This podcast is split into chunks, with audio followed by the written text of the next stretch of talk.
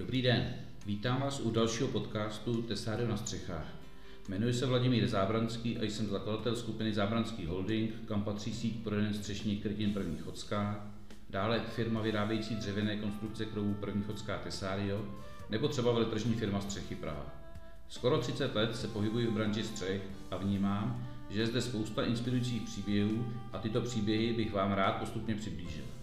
Dnes si popovídám s Jakubem Neprašem, který býval čelním představitelem firm, které dodávají střešní krytiny, jako je Bramak nebo Prefa.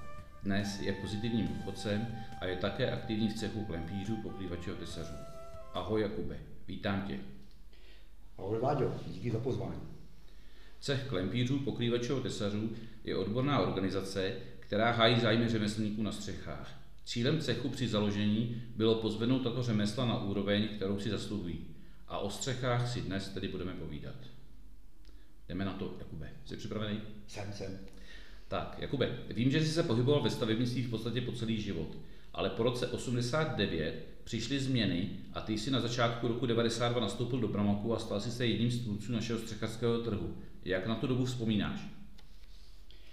Pro mě 90. byla nádhera. Krásný, divoký roky, nabitá svoboda, učení za pochodu, učili jsme se techniku, učili jsme se podnikat, v podstatě jsme se učili cestovat na západ že, v té době.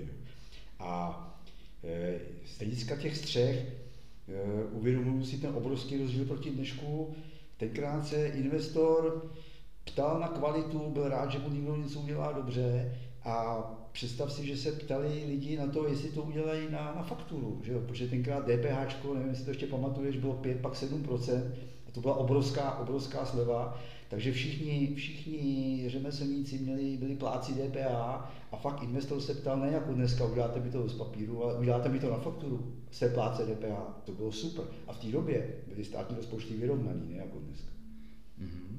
Jaká byla v porovnání se západním světem tehdejší úroveň našich řemeslníků? No, takhle. V té době ty řemeslníci vlastně vznikali, že? za komunismu byli všichni soustředěni v nějakých velkých okresních stavebních podnicích, fasádostavech a vodních stavbách a tak dále. Takže ono v podstatě žádní řemeslníci, kterými byli jako živnostníci, moc nebyli. To vzniklo. A vzniklo to ze dvou part. První byli ty, kteří to opravdu uměli, přišli tím poctivým, poctivým učením tenkrát, kdy opravdu učňovské školy dělali fachmany. Známe Brňata, Homolka, těch lidí bylo plno. A a třeba Franta Kubalík byl učitel, nebo Richard Klínek, to byli učitelé na učňáka, že? což dneska jako je, že to by bylo, kdyby to bylo. A e, pak byla druhá část, a to byli mladí kluci, většinou takový ty party, co čistili e, koštelní věže a podobně, to byli většinou horolezci, kteří si přivydělávali ty o, o, o těch řemeslech toho moc nevěděli, ale všichni byli lační se něco naučit. Že? Ty starí neznali ty nové technologie, nový, nový materiály, ty, ty, ty, ty mladí, ty horolezci neznali vůbec nic. A to učení, to bylo tím nadšením, bylo takový, že vlastně jsme relativně velmi brzy ty, ty úrovně západu dohnali. Eh, říkal si, že byli lační po nějakých nových materiálech a po zkušenostech a vlastně jedna z firm, která jako první tady začala s nějakou osvětou a přivedla ty v západní technologie, byla firma Bramaka. Já se tě chci zeptat, ty jsi tam vlastně začínal, že jo? Byl jsi jeden z prvních zaměstnanců, eh, můžeš potom říct, jaký jsi měl číslo, jestli to byl jednička, dvojka nebo trojka. A jaký jsi měl očekávání, když jsi začal teda budovat kontakty mezi, ať už mezi pokrývačema nebo mezi obchodníma firmama a snažil se přesvědčit, že Bramak má perspektivu, že, jo? že betonka je úplně skvělá a ty jsi se teda s tím svým týmem obchodním snažil prosadit tu tašku, tak jaký jsi měl očekávání, jaký to tedy bylo? Tak tomu číslu, já jsem byl trojka, první byl Walter Schneeweiss Rakušan, že jo? a pak k němu přišel první, první Čech byl eh, Milan Pazor a já měsíc po něm, takže jsem byl třetí. Ale upřímně, já tenkrát, když jsem viděl tu fabriku, když jsme postavili v Rudimi a viděl jsem, že za, dvě vteřin, za vteřinu vypadnou dvě tašky, jo, tak první, co mě napadlo, byla obava, jak to vůbec prodáme. Že? Protože to opravdu byla smršť toho celého. Na druhou stranu, to fakt byla novinka. My jsme v té době větrané střechy. Eh, se začaly dělat třeba větrací tašky do té doby, to byla neznámá věc, pokládání, pokládání řebenů na sucho a tak dále. A tak, jak jsem říkal v té první otázce, jak jsem se ptal, ty, ty lační dvě skupiny opravdu tohle to do sebe nasávaly a i takový lidi, jako třeba byl ten Jirka Vrňata, že byl na školení, jsem ho potkal v, v Chrudimi a, A tam jsme měli velkou debatu o tom, jestli to má smysl nebo ne, až viděl, že to je dobrý.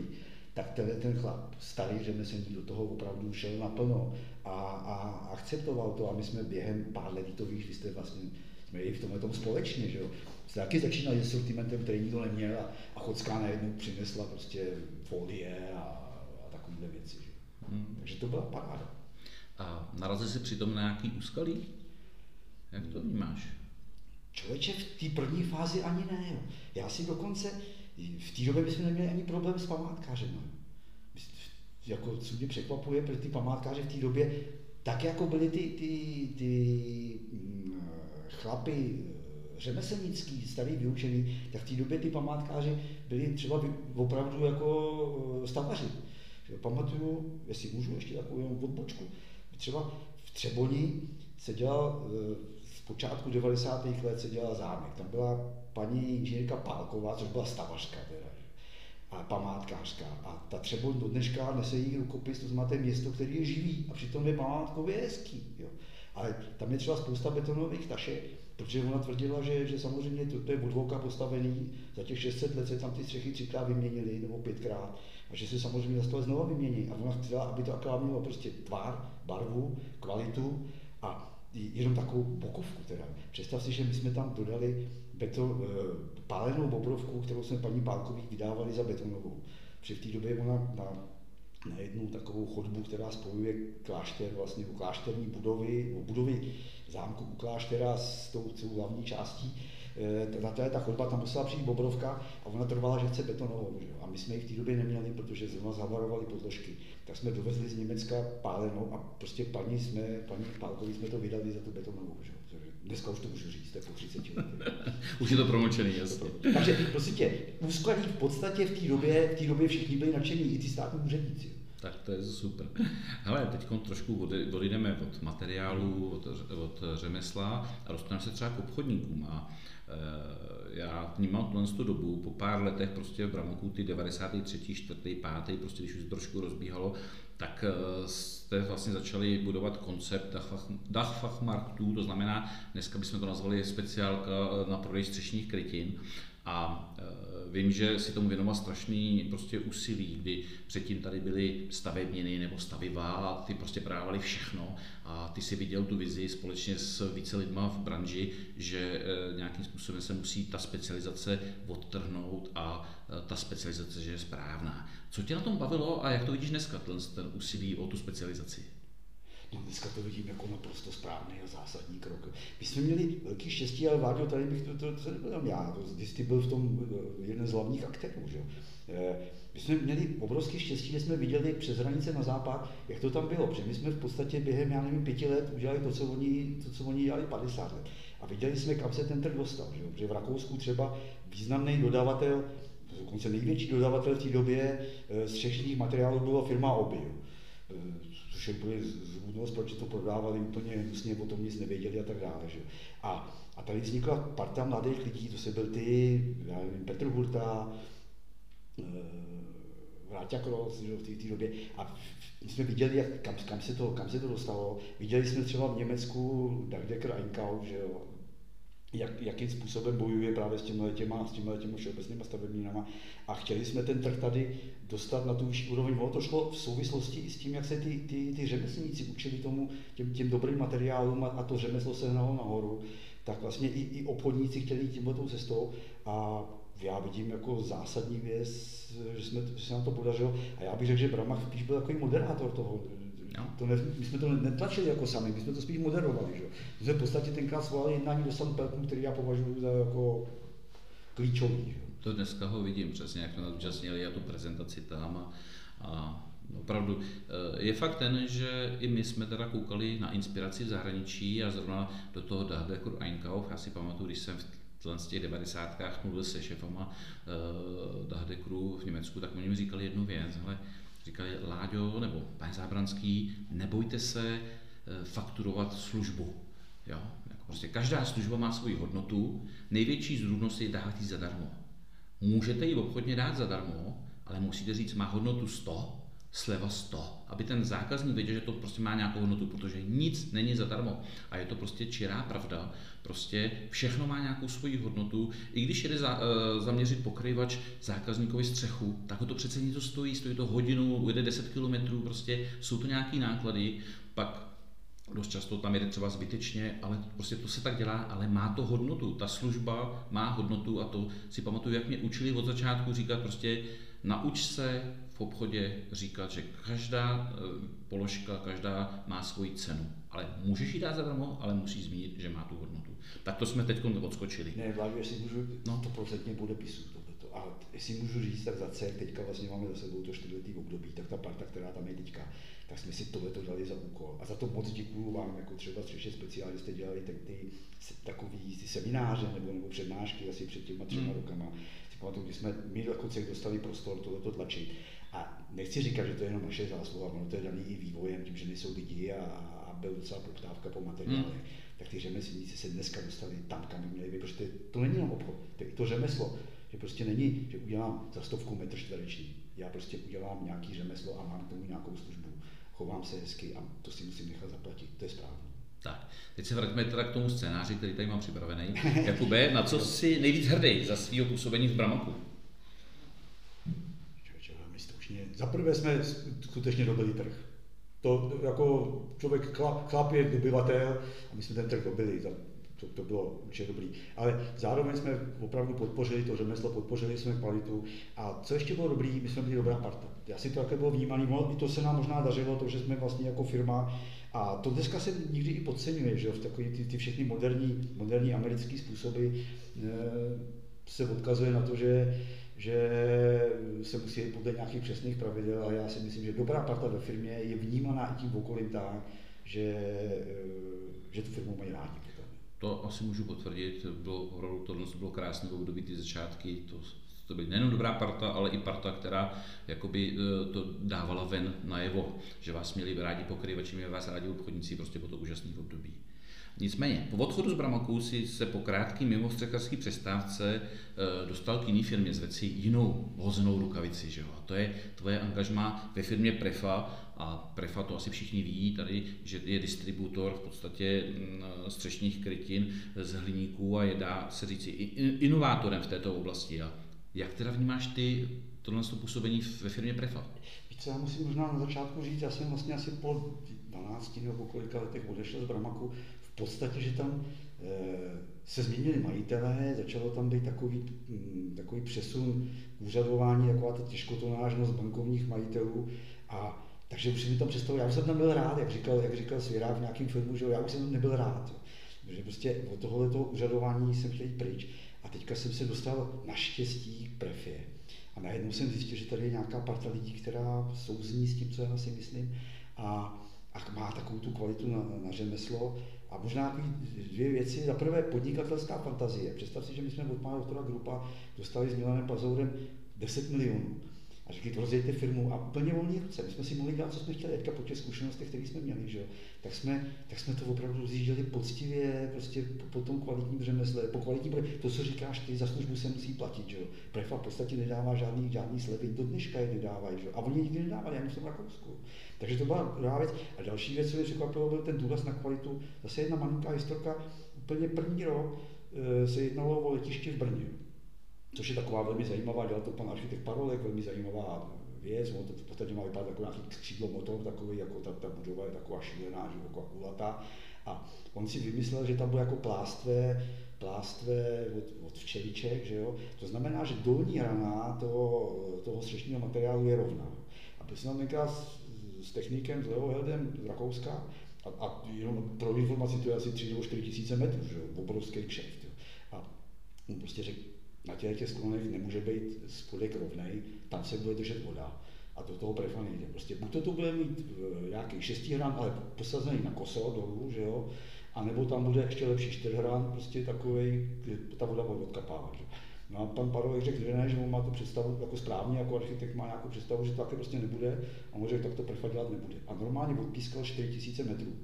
A jeli jsme domů. Já jsem z toho byl překvapený, protože jsem v Bramaku bych toho to nezažil, že takovou věc.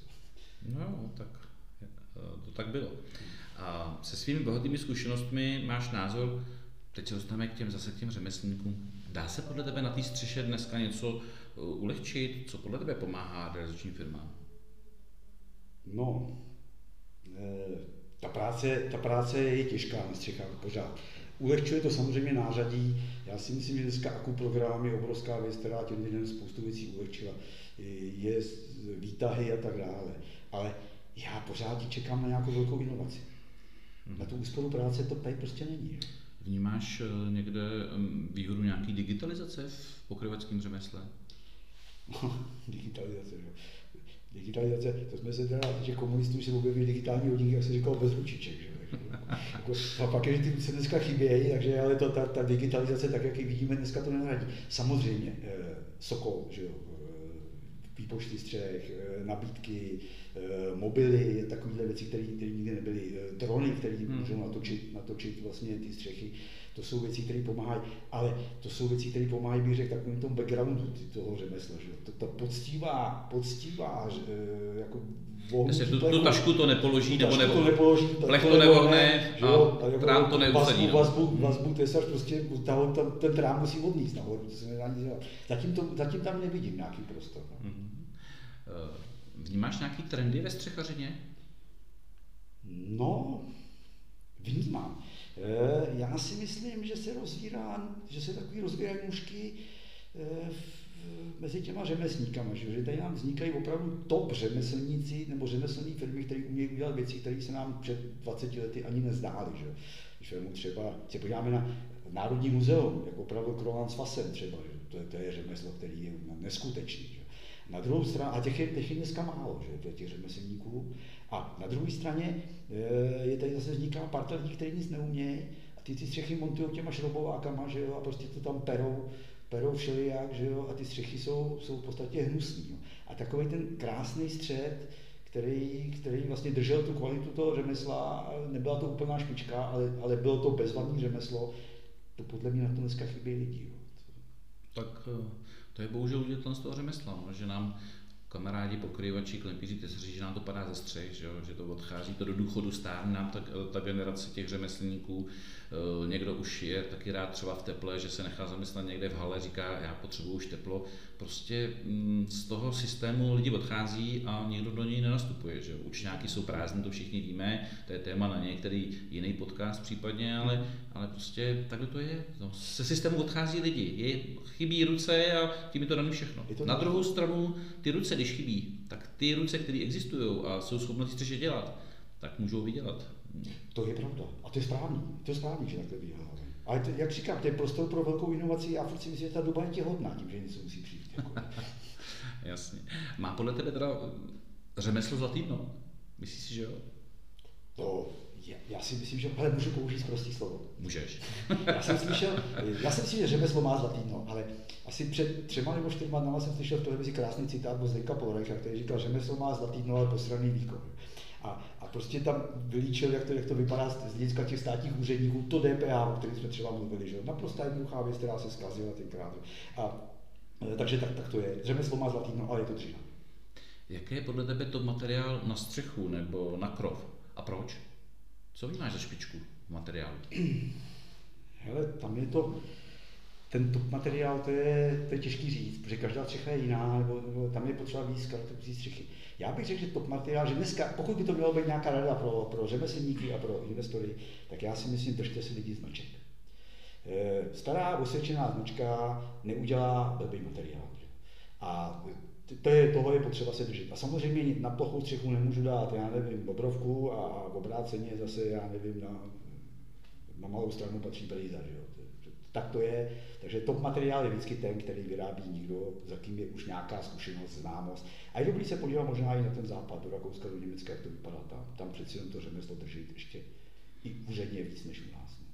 To já si pamatuju před nějakými těma 25 lety, že jo, tak za mnou chodili lidi a říkali, pane Zábranský, vy teda prodáváte ty střechy, vy tomu rozumíte, jakou si mám dát, jako na střechu, jaký materiál se tam mám dát. A vždycky říkal, hele, to záleží hodně na manželce, že jo? Ta, ta estetika je důležitá a v té době bylo hrozně krásné, to to období a a pak říkal on, tak jo, a moje manželka chce červenou, tak udělal červenou a pak najednou celá ulice byla červená z toho samého materiálu, prostě byly, protože se ty střechy líbily, byly nový, bylo to něco úplně jiného. A, a hned ta první se prostě líbila, takže celá ulice opravdu byla červená, že? Dneska to je, máš tam plech, máš tam beton, máš tam keramiku, máš tam glazuru, prostě v různých barvách a ty ulice jsou pestrobarevní. A tehdy ty prostě v těch prvopočátcích toho prodeje, tak to opravdu i ty staré rekonstrukce se dělaly opravdu do jedné barvy, do jednoho tovaru tašky. Bylo to velmi úsměvný a zábavný. Jako jo. Pak se to samozřejmě změnilo.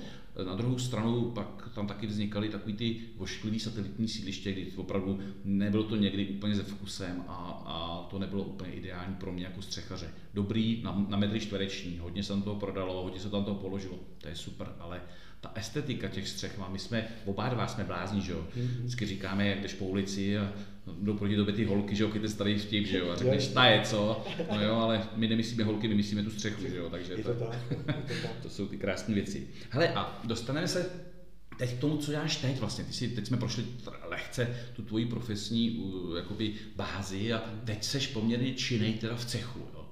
A jak ty vnímáš roli cechu a jak by měl cech vnímat třeba koncák, který ho zajímá prostě ta jeho střecha, nebo jak živnostník, který se pohybuje po těch střechách. Jak to vnímáš, cech a, a situace na trhu? Já jsem vlastně do toho cechu, eh, já tam trošku nepatřím, že? já jsem řemeslník, fakt je, že vždycky mám mezi nimi spoustu kamarádů a, a tak nějak trošku jsem se nechal i ukecat od, od kamarádů řemeslníků, eh, že jsem teda do těch voleb šel a, a děkuju všem, kteří mě zvolili, takže jsem se stal jedním z členů představenstva cechu. Ale mě k tomu hnala v podstatě podobná toho, jako tenkrát byl ten Samperton pro ty obchodníky. Tak já to dneska vnímám, že my jsme na rozhraní. Když se podíváš, jak vypadají na rozhraní s střechama. Když se podíváš na západ, ty to máš kousek, že ty jenom přes kopec takhle koukneš, tak si myslím, že pořád ještě jsme na tom stejně jako, jako na tom, tom západě. Že? Z hlediska technologií, materiálu i, i, i, i umu těch řemeslníků. A když se podívám dneska na východ, třeba nemusím ani, ani na Ukrajinu, nebo stačí na Slovensko se podívat. Já nevím, jestli tam teďka někdy byl, ale slovenské střechy jsou dneska hrůzný, jako to, to, to, to, co vnímám já. A myslím, že my jsme prostě na tom rozhraní a teďka záleží na tom, jestli udržíme tu kvalitu i za pomoci učňovského školství, státu a tak dále eh, neházení těch klacků pod nohy. A nebo prostě se přijdou ty mongolové, eh, nic proti ním, že jo, ale oni ty řemesla neumějí, že jo, tak jako je uměli ty naši dědové.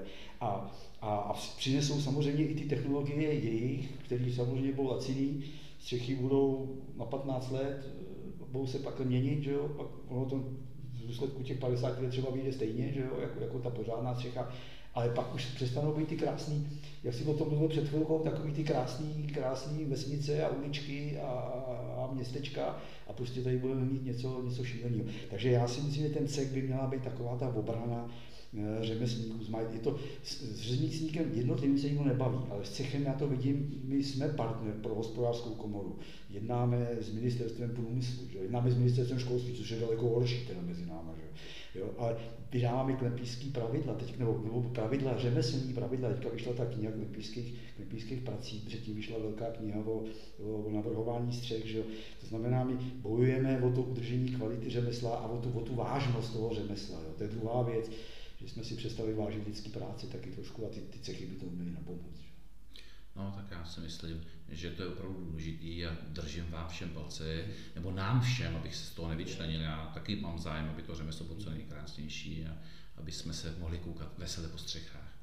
E, Jakube, co tě na práci s pokrývači, klempíři, tesaři, ale třeba i s obchodníky těšilo, bavilo a nebo případně tě pořád baví, co, kde, kde tam se vidíš lidsky? Jako?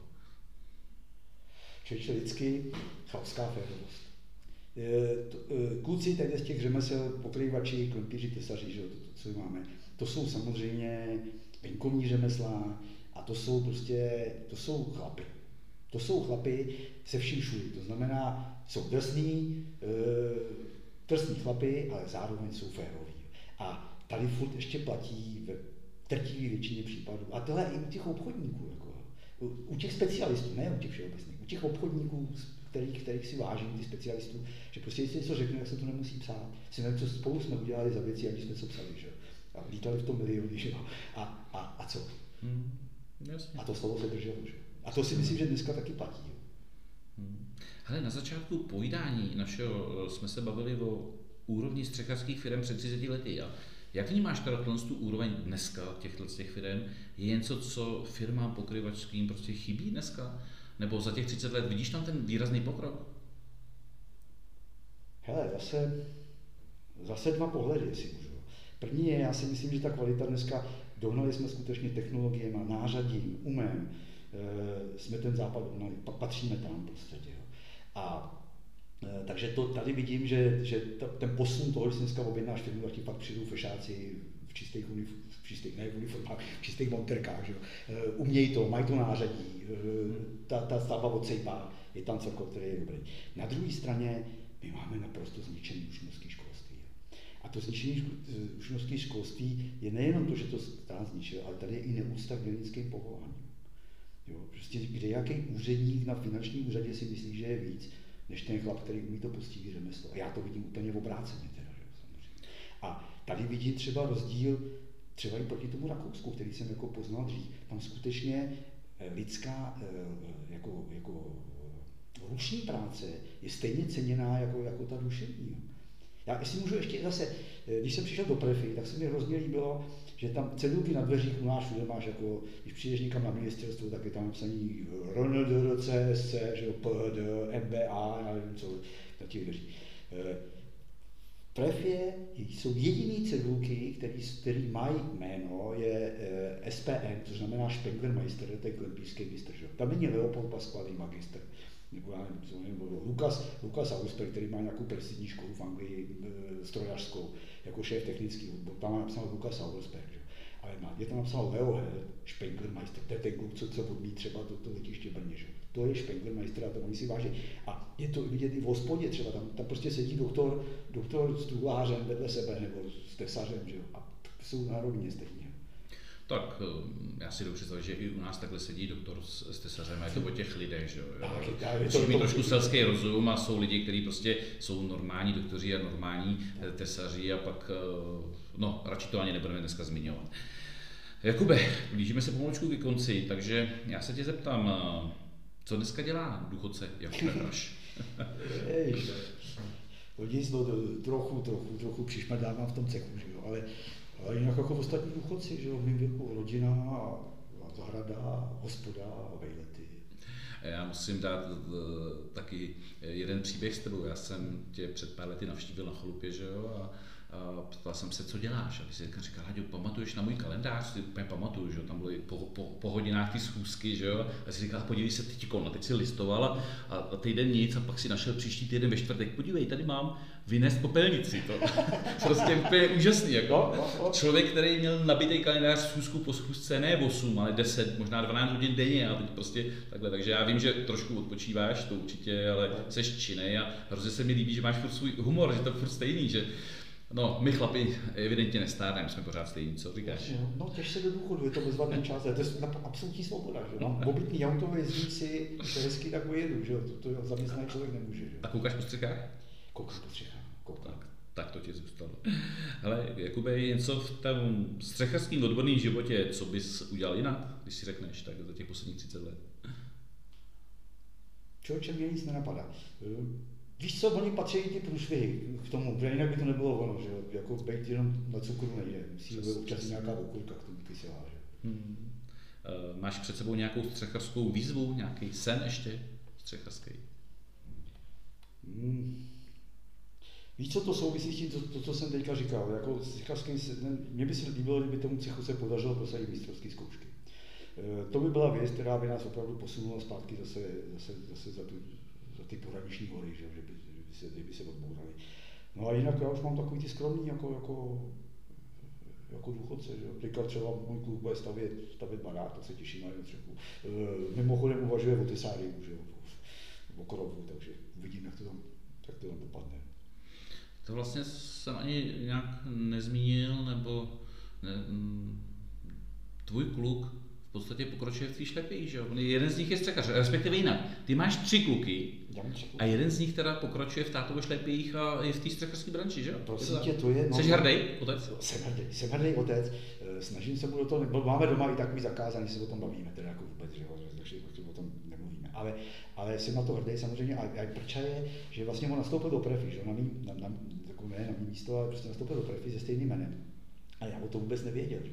To byl jsem byl v důchodu podstatě to dohod, dohod eh, Milan Pazou s ním tenkrát úplně sám, že jo? A já jsem pak mi jako, jako oznámil, že tam prostě nastupuje. Ale tak samozřejmě jsem jsem rád, že to dělá, že to táhne na tu. Tak to je super.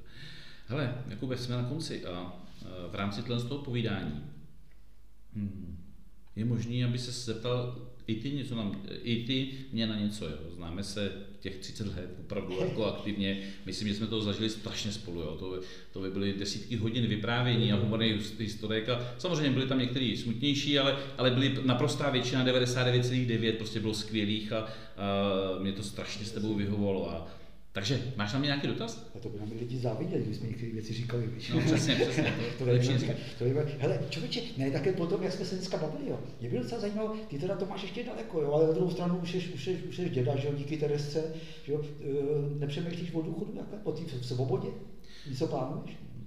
Hele, já samozřejmě o tom přemýšlím, ale trošku z jiného úhlu pohledu. Že? Já jsem eh, o tom důchodu začal přemýšlet ve vztahu k tomu, že, že vlastně jsem 30 let vedl eh, obchodní firmu, nevím jestli střední nebo mírně větší, ale, ale v podstatě bylo to spoustu práce a já jsem si řekl, že nechci jít ve 50 let, 60, že až opravdu už nebudu moc chodit, abych ji tehdy začal předávat, takže jsem před nějakými dvěma lety uh, začal uh, prostě uvádět v život předávání nové generaci, mla, mladší generaci, že jo? takže jsem z té první chodské v podstatě trošku odstoupil a teď si hraju v tom Tesáriu, což je výrobní firma, mě to hrozně baví, ale já bych jakoby nemohl dělat nic. Já, mm, já prostě musím pořád něco dělat a ještě mám před sebou dost takových životních střechařských výzev, ale samozřejmě už tam mám jiný nasazení. Už dělám, jak říkám, dělám to, co mě baví, tak to dělám hodně. A když mě něco nebaví, tak to buď to neděláme jako firma vůbec, anebo si někoho najdu, kdo to za mě musí udělat. Ale to je, to je ta svoboda pro mě teď. Že nedělám to, co mě nebaví tu svobodu už mám, tu si dopřávám plnými doušky. Nevím, jestli to je úplně důchodcovská mm, jako taková svoboda, ale takhle to mám já postavený. No. Chápu to, chápu to, chápu to. Jo. A, a přeju ti to, aby ti to vyšlo, aby ti to vycházelo. Já jsem si že to vychází dneska. Jo, tak snad jo.